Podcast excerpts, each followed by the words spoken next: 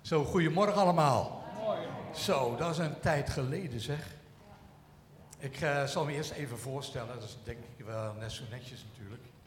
Ik ben uh, André Jongepier en uh, al dit jaar 49 jaar getrouwd met Annelies.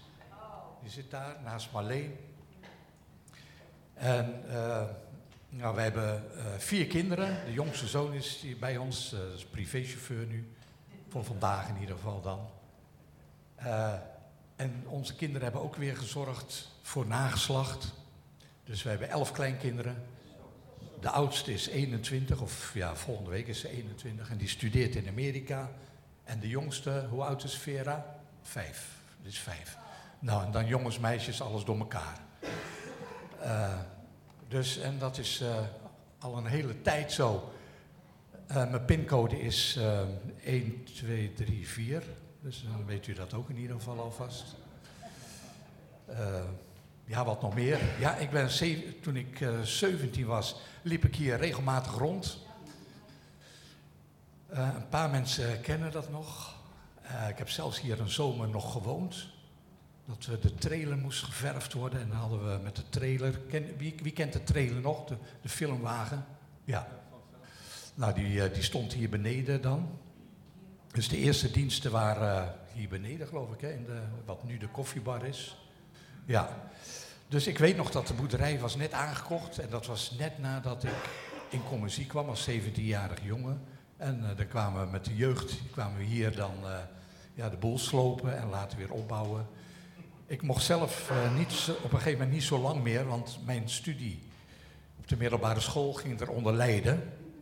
En dat was heel apart, want toen ik uh, in commissie kwam, uh, toen hoorde ik voor het eerst eigenlijk dat Jezus terugkwam. En dat kon niet zo lang meer duren. Hè? Dat zei ome Cor dan. Jullie kennen allemaal ome Cor, of een aantal van jullie nog wel. Dus Jezus zou terugkomen en niet zo lang. Dus dat was voor mij, ik denk dat het ook een soort legitimatie is voor mijn luiheid. Dat ik denk, ja, maar ik ga niet meer studeren hoor. Ik kijk wel uit.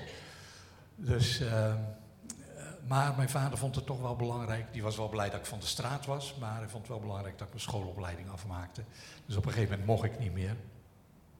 Maar ik ken, ik ken nog dat. Uh, nu zijn de huisjes er ook niet meer, geloof ik. Maar dat, dat ik.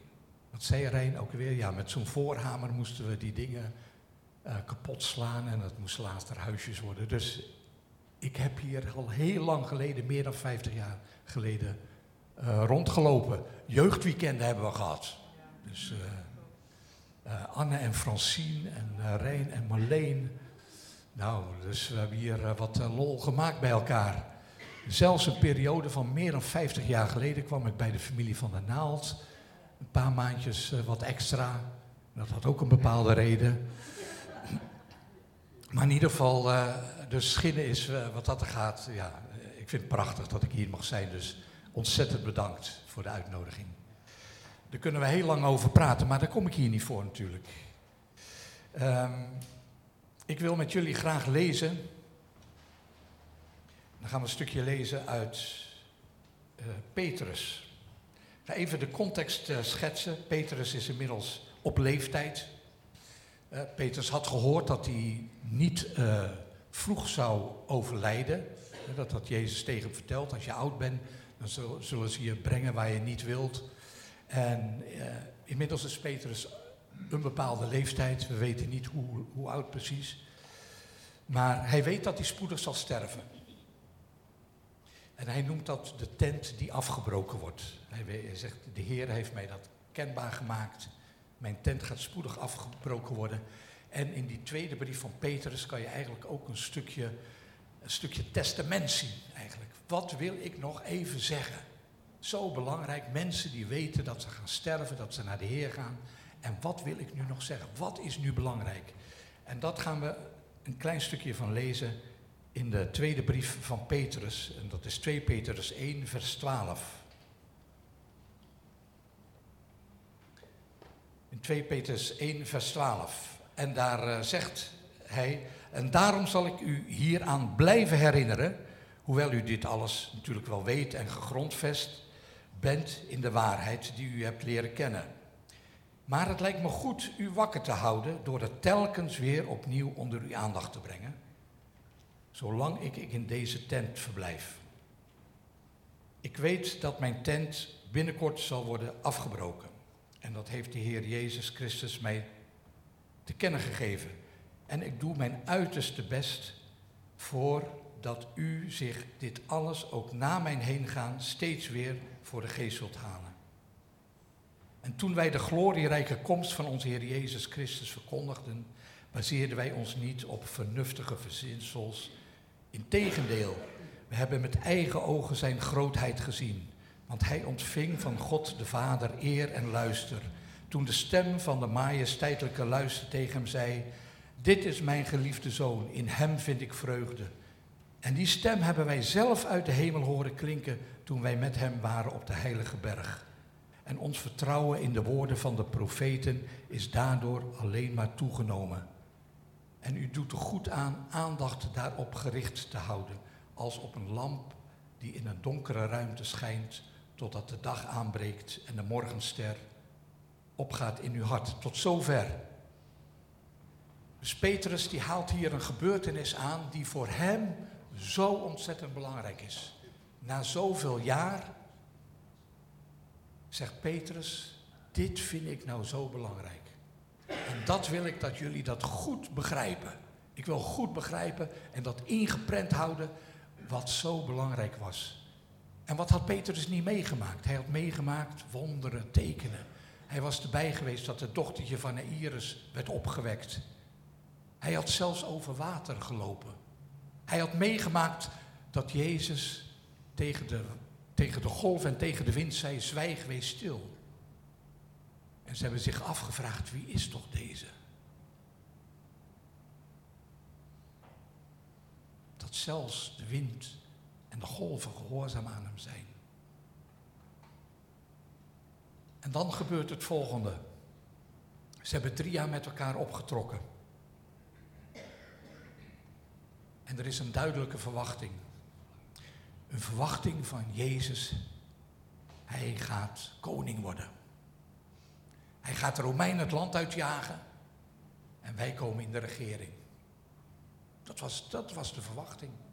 Kan niet lang meer duren. Maar hij gaat met al zijn wonderen tekenen, alles wat hij kan. Hij gaat het even rechtzetten in, het, in Israël. En als je de oude profetieën dan uh, leest, dan kan je nog wel iets bij voorstellen ook. Hè? Want hij zal komen en hij zal het recht weer doen uh, gelden. Dus er was een bepaalde verwachting. En dan gaat het volgende gebeuren. Jezus die gaat een vraag stellen. Dat gaan we zo lezen in uh, Matthäus. Jezus gaat een vraag stellen. Wie zeggen de mensen dat ik ben?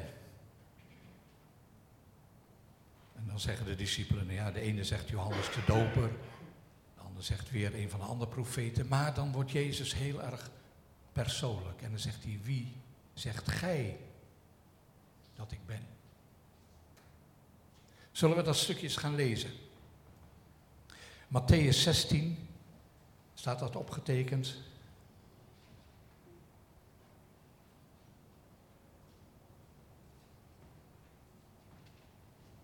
Matthäus 16 en dan uh, vanaf uh, vers 21.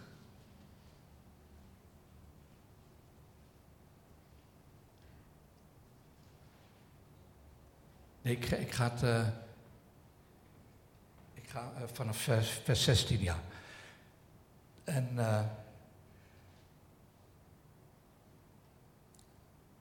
En zij antwoorden, en sommigen zeggen Johannes de Doper, de andere Elia, en weer andere Jeremia of een van de andere profeten. En toen vroeg hij hun, en wie ben ik volgens jullie? En uh, u bent de Messias, de zoon van de levende God, antwoordt Simon Petrus. Daarop zei Jezus tegen hem, gelukkig ben je Simon Barjona, want dit is je niet door mensen van vlees en bloed geopenbaard, maar door mijn Vader in de hemel. En ik zeg je, jij bent Petrus, de rots, waarop ik mijn kerk zal bouwen. En de poorten van het dodenrijk zullen haar niet kunnen overweldigen. En ik zal je de sleutels van het koninkrijk van de hemel geven. En alles wat je op aarde bindend verklaart, zal ook in de hemel bindend zijn. En al wat je op aarde ontbindt, zal ook in de hemel ontbonden zijn. En daarop verbood hij de leerlingen ook maar tegen iemand te zeggen dat hij de Messias was.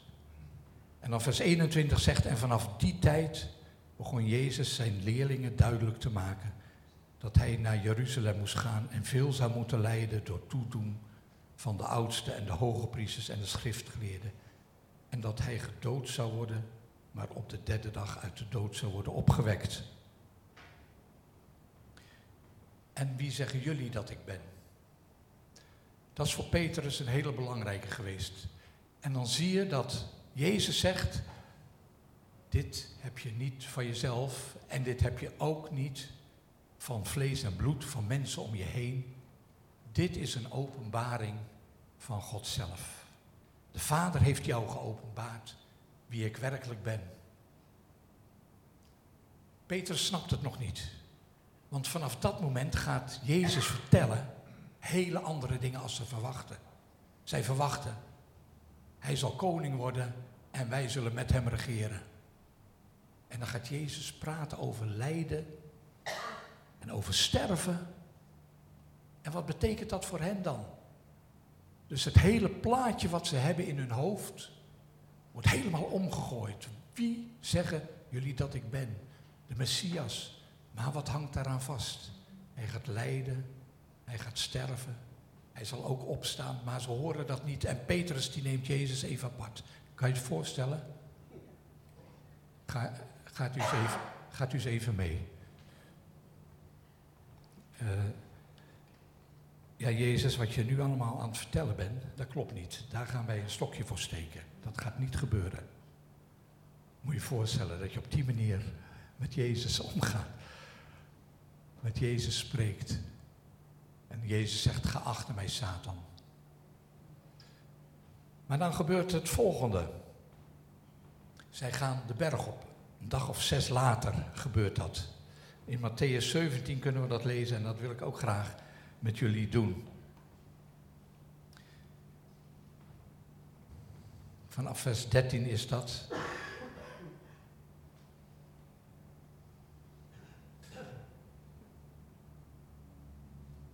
Heb ik dat nou niet goed gezet, joh? My goodness. Wat erg. Nee, ik heb het. Uh, Matthäus 17, vers 13. Nou, maakt niet uit.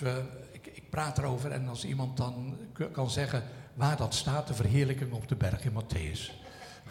Ik heb het verkeerd gezet. Vanaf? 6. Oh, 17 vers 1. Ja, oké, dankjewel. Ontzettend bedankt. Zes dagen later neemt Jezus hen mee. De berg op. En dit is hetgene waar, Jezus, of naar waar Petrus aan refereert in zijn brief aan het einde van zijn leven. Zes dagen later nam Jezus Petrus, Jacobus en diens broeder Johannes met zich mee een hoge berg op waar ze alleen waren. En voor hun ogen veranderde hij van gedaante. Zijn gezicht straalde als de zon en zijn kleren, werden wit als het licht. En plotseling verschenen aan hen Mozes en Elia die met Jezus in gesprek waren. En Petrus nam het woord en zei tegen Jezus, Heer, het is goed dat wij hier zijn. Als u wilt zal ik hier drie tenten opslaan. één voor u, één voor Mozes en één voor Elia. En er was nog niet uitgesproken of de schaduw van de stralende wolk gleed over hen heen.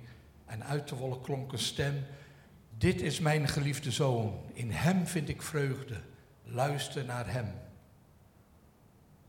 Toen de leerlingen dit hoorden, wierpen zij zich neer en verborgen uit angst hun gezicht. En Jezus kwam dichterbij, raakte hen aan en zei: Sta op, jullie hoeven niet bang te zijn. En ze keken op en zagen niet meer, niemand meer.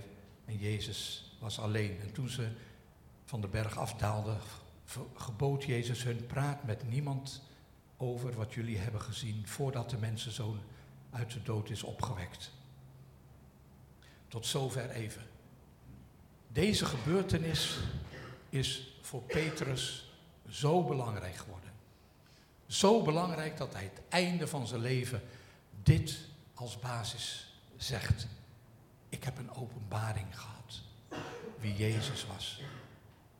Ik heb gezien wie Hij is. En Jezus straalt.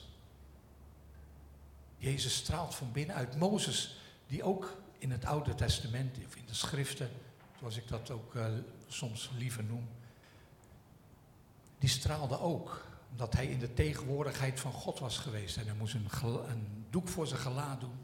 Maar nu zien ze Jezus zoals hij werkelijk is. De stralende zoon van de Vader, die van zichzelf straalt.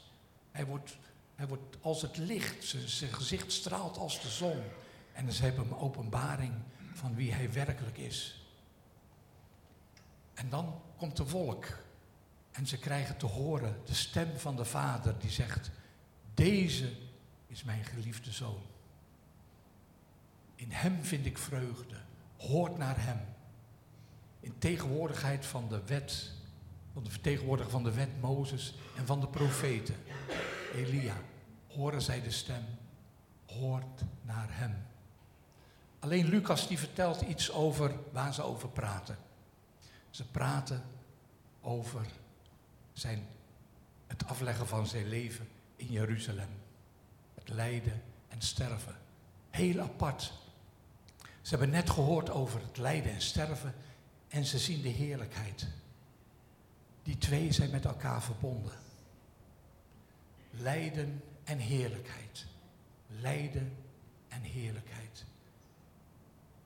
En we zien dat niets wat er op aarde gebeurt gaat buiten de hemel om. Lijden en heerlijkheid. Ze gaan hand in hand, lijkt het wel. Ze horen over het lijden en ze zien de heerlijkheid Jezus, wie Hij werkelijk is. En Petrus die noemt het, hij zegt, en dit, die openbaring, die is voor ons zo belangrijk geworden. En daarom is het profetisch woord des te betrouwbarer. De schriften, het Oude Testament, gaat over Jezus. Op een gegeven moment komen de discipelen of de schriftgeleerden en de fariseeën komen bij hem. En dan zegt Jezus, jullie onderzoeken de schriften en jullie menen daarin eeuwig leven te vinden. Maar die schriften gaan over mij. Schriften gaan over Jezus. We kunnen het lezen. Ik maak even een uitstapje. Niet veel later wordt Jezus gevangen genomen. Gethsemane. En hij komt voor het Sanhedrin.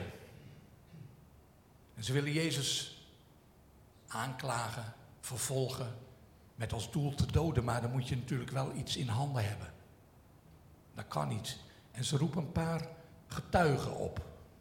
Beetje slap gedoe allemaal. Want die hebben een verhaal waar ze eigenlijk niks mee kunnen. En de hoge priester, je voelt een klein beetje de paniek van, ja maar we moeten hem hebben, we moeten hem kunnen veroordelen. Dus hij gaat naar Jezus toe en hij zegt, en nou wil ik het weten, ben je nou de zoon van God, de Messias, of niet? En dan zegt Jezus iets heel belangrijks. Hij zegt, inderdaad, ik ben het, jij zegt het. En vanaf nu af aan zul je de zoon des mensen zien aan de wolk, op de wolken des hemels komend en zittend aan de rechterhand van de majesteit. En iedereen die daar was, die wist precies wat er gezegd werd. Ze wisten het allemaal. Want datzelfde kan je lezen in Daniel. Daniel 7. Hebben jullie het wel eens gelezen? Daniel 7. Er wordt gesproken over een eh, stelletje dieren met grote muilen en zo. En dan komen ze in de troonzaal van God, van de Vader. En die is zo ontzettend groot. Tienduizend, tienduizenden, duizendmaal duizenden zijn er. En ze geven de oude vandaag die op de troon zit, geven ze eer en glorie. En dan gebeurt er iets wat voor Daniel mindblowing is, zeggen ze dan dan ziet hij dat met de wolken van de hemel wordt er iemand als een mensenzoon wordt voor de oude vandaag geleid. En die krijgt macht en eer en heerlijkheid en het koningschap wordt aan hem gegeven. En als Jezus daar staat en hij heeft het daarover, dan zegt hij, die persoon waar Daniel 7 over heeft, dat ben ik. Die persoon ben ik. En op dat moment zegt de oogpriester, nou hoef ik niks meer te horen. Dit is voldoende, dit is godslastering. En dat is de reden waarom Jezus veroordeeld wordt. Eigenlijk tekent hij met die uitspraak zijn eigen doodvonnis. Uiteraard, we weten, hij is het lam van God. Geslacht van voor de grondlegging der wereld. Deel hebben aan zijn lijden is ook deel hebben aan zijn opstanding. Vaak hebben wij toch een beetje de neiging om die twee een beetje tegenover elkaar te zetten. Hè? Of we hebben het lijden van, oh, het is, het is hier zo erg op deze aarde. En, en, en soms is dat zo. Er is lijden. Ik heb vanmorgen al een paar dingen gehoord van mensen in jullie midden die echt lijden. Dat is er. En daar kunnen we in blijven hangen. Maar we moeten gewoon erkennen dat dat er is. Maar aan de andere kant is er ook de opstanding en de heerlijkheid van God. En daar mogen we ook naar kijken. En die twee zijn met elkaar verbonden. Er is geen heerlijkheid zonder lijden. Mogen we met elkaar weten. Er komt een dag en dan is alles voorbij. Er komt een dag, dan is het lijden voorbij. Dan is koning Jezus werkelijk koning en dan zullen wij hem zien van aangezicht tot aangezicht. Deze is mijn geliefde zoon. In hem vind ik vrede. In hem vind ik vreugde. Hoort naar hem. Wat, wat heel apart is, is dat Johannes is de enige die daarbij was, die evangelie heeft geschreven en daar staat niks van in, lijkt het wel. Die gebeurtenis staat niet beschreven in Johannes. Of toch wel? In Johannes 1, vers 14 staat, het woord is mens geworden. Of het is vlees geworden zelfs. En heeft bij ons gewoond, vol van goedheid en waarheid. En wij hebben zijn grootheid gezien. De grootheid van de enige zoon van de Vader. En van hem getuigde Johannes toen hij uitriep, hij is het over wie ik zei, die na mij komt, is meer dan ik, want hij was voor mij. En uit zijn overvloed hebben wij alle met goedheid, zijn wij alle met goedheid overstelpt. De wet is door Mozes gegeven, maar goedheid en waarheid zijn met Jezus Christus gekomen. Niemand heeft God gezien, maar de enige zoon die zelf God is, die aan het hart van de Vader rust, die heeft hem doen kennen. Willen wij werkelijk weten en zien wie de Vader is, moeten we naar Jezus kijken. Hij vertegenwoordigt het hart van de Vader. Heel apart dat het koninkrijk zoals men dacht, blijkt een heel ander koninkrijk te zijn. Een koninkrijk. En Jezus zegt dat ook. Ik, ik ben koning, ja, ja zeker, ik ben een koning, maar ik ben koning van een ander koninkrijk. Een koninkrijk van liefde. Een koninkrijk waar de minste,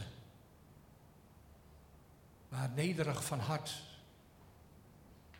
de boventoon voert. Een koninkrijk waar je zorgt voor je naaste. Wat in die tijd revolutionair was. We moeten niet vergeten dat in die periode waren de Romeinen daar de baas. Het was ongeveer 60 jaar voordat Jezus geboren werd, zijn de Romeinen het land daar binnengevallen. En daarvoor waren er ook allemaal andere landen. Ze zijn zelfs onder de Grieken geweest. Maar er was bijna niemand die meegemaakt heeft dat ze niet onder het juk van de Romeinen waren. En die Romeinen die konden er wat van hoor. Dat waren een stelletje, ja, hoe zal ik het netjes zeggen? Ze waren niet zo netjes. Ze hadden ook geen enkel respect voor het leven. De geschiedenisboeken vertellen dat Jezus moet ongeveer tussen de 15 en 20 jaar geweest zijn dat er vlakbij was een, dorpje. Sephora heette dat. Sephoris, geloof ik, Sephoris, ja. En daar waren de Romeinen achtergekomen dat men had uh, zeloten, dat waren de vrijheidsstrijders toen, hadden ze onderdak geboden. En wat deden de Romeinen? Die hebben toen alle mannen opgepakt in dat dorp en allemaal gekruisigd. Langs de weg zo. Waren groot, twee, twee grote wegen en die wegen stonden vol met kruisen met al die mannen die daar gekruisigd waren. En in die periode waarin de Romeinen huis hielden, daar zegt Jezus, bid voor je vijanden. Heb je vijanden lief. Zegen degene wie je vervolgen. Een totaal ander koninkrijk. Koninkrijk, willen ze je hemd hebben, geef ook je jas. Koninkrijk van de extra mijl lopen. Pressen ze je om één mijl te gaan? Gaat er dan gewoon twee. Een koninkrijk waaruit soms lijkt alsof je verliest. Dat was bij Jezus ook. Toen Jezus daar aan het kruis hing, toen dacht iedereen, het is voorbij. Hij heeft verloren. Niet wetende dat het de grootste overwinning was die ooit behaald is. En toen Jezus daar het dodenrijk inging, ging hij daar als overwinnaar. En toen hij zei, het is volbracht, toen dacht de duivel, en nou heb ik hem. En dat was een grove misrekening. Want Jezus die ging daar het dodenrijk in. En hij zei, hier met die sleutels. En nu ben ik de baas. En hij zegt dat in de openbaringen. Als die Johannes weer ziet, dan zegt hij, zie ik ben dood geweest en ik leef. En ik heb de sleutels van dood en dodenrijk. Hij is de baas. Jezus is de baas. Al zien we het nu nog niet, hij is de baas. Hij heeft de sleutels van dood en dodenrijk. Heeft hij. Dat is fantastisch toch? En de hele wereld dacht, oh, het is gebeurd. Nee, het was niet gebeurd. Ja, het was volbracht. Hij had het volbracht. En daarin mogen wij met elkaar leven. Als Paulus voor het moment staat dat hij gaat sterven, schrijft hij nog een brief aan Timotheus. Zijn kind Timotheus noemt hij dat. En hij heeft het ook over mijn aardse tent wordt afgebroken. Ook hem heeft de Heer laten weten dat dat gaat gebeuren. We weten dat Petrus is gekruisigd, alleen ondersteboven, andersom, laat ik zo zeggen. En bij Paulus hebben ze heb ik begrepen dat bekend is dat hij onthoofd is. En Paulus weet dat hij gaat sterven. En aan het einde van zijn leven zegt Paulus, en dat vind ik zo mooi, zie, ik heb de goede strijd gestreden. Ik heb mijn loop ten einde volbracht. En wat is de uitkomst daarvan? Hij zegt niet, ik heb zoveel wonderen en tekenen gedaan. Hij zegt ook niet, ik heb zoveel gemeentes gesticht. Of ik heb dat en dat en dat gedaan. Je moest eens weten wat ik allemaal gedaan heb. Hij zegt, ik heb het geloof behouden. Mooi hè? Gewoon, ik heb het geloof behouden. En welk geloof is dat dan? Ik geloof dat het het geloof is dat niets ons kan scheiden van de liefde van Christus. Van de liefde van God. Geen ziekte, we hebben het vandaag gehoord. Geen ziekte, helemaal niks. Geen dood, geen, geen macht, noem maar op. Wat er ook is. Niets, niets, niets kan ons scheiden van de liefde van God. Welke is in Christus Jezus. Wat een mooi getuigenis, hè? Mooi getuigenis van Paulus. Het eind van zijn leven. Zo belangrijk. Ja, ik, ik vind dat altijd fascinerend. Van mensen waarvan ik weet ze gaan sterven en ze weten het zelf. En wat gaan ze dan vertellen? Wat willen ze nog kwijt? Paulus schrijft aan Timotheus, ik heb het geloof behouden. Fantastisch, het geloof. Ik ben met jullie. Waar jullie ook doorheen gaan. En geloven wij in wonderen en tekenen? Oh yes. Ik geloof erin. Maar als we eerlijk zijn, gebeuren ze ook niet altijd. Zijn de vragen waar we mee zitten. Hoe kan het, Heer? Ik vind het leven soms ingewikkeld. Echt, ik snap er soms niks van. Dan ben ik 69 en dan denk ik, maar ik snap het soms echt niet. Hoe dat allemaal wel kan en wat niet. Maar één ding weet ik, waar ik ook doorheen ga. Hij is met mij. En de overwinning die staat vast. En er komt, zoals we gezongen hebben, er komt een moment en dan zien wij Jezus. Dan kijken we hem in de ogen. En dan is het voorbij. Mooi hè? Ja, je mag er niet naar uitkijken natuurlijk. Ja, ja mag wel een beetje. Mag wel een beetje. Dat moment zal zo ontzettend zijn. Hoorde een keer van Dick van Stenis. Die vertelde, de dag dat je sterft is de meest opwindende dag van je leven. De dag dat je Jezus gaat ontmoeten. Terwijl je hem nu, vandaag ook al mag ontmoeten.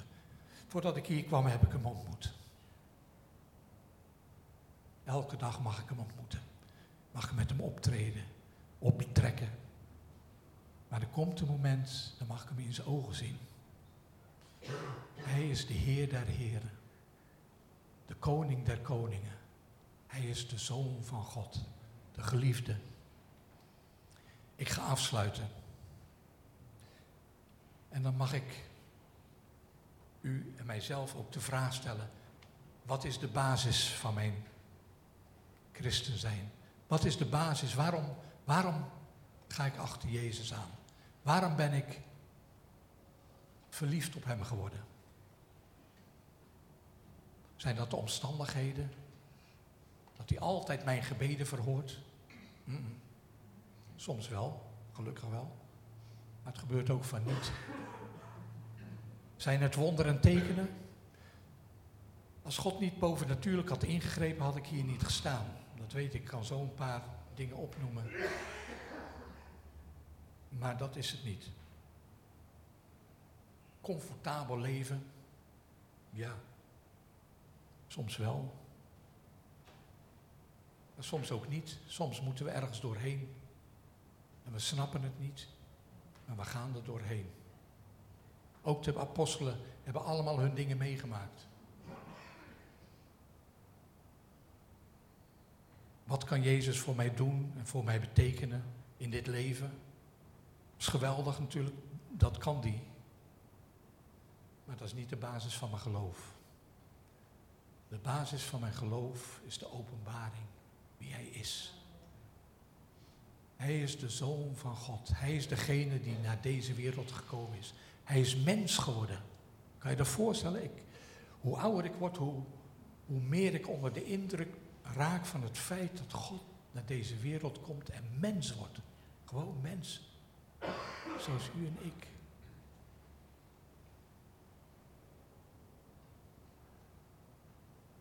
Hoeveel mensen haken er niet af omdat het Jezus voldoet niet aan hun verwachtingen.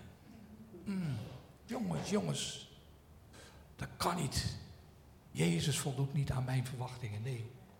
Ja, vroeger zongen we ook zo'n lied, Jezus stelt nooit teleur. Ah, dat, dat wringt een beetje, vind ik. Ja, nu achteraf zeg ik. Hij stelt niet teleur, maar er zijn momenten in mijn leven geweest dat hij dat wel deed, want hij deed niet wat ik wilde. Hij deed niet wat ik zei.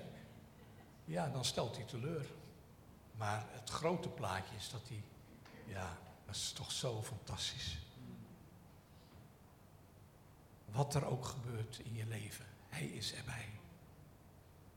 Hij is de zoon van God, die zelf God is. Hij is na de schrift, is Hij mens geworden. Hij is na de schrift, heeft Hij geleefd als mens hier op aarde. Hij is ook na de schrift, is Hij gestorven. Maar Hij is ook na de schrift, is Hij opgestaan. En Hij is opgevaren naar de hemel en zittende aan de rechterhand van de Vader. En ook na de schrift zal hij terugkomen. En na de schrift zal elke knie zich buigen voor Hem, voor Koning Jezus. Amen.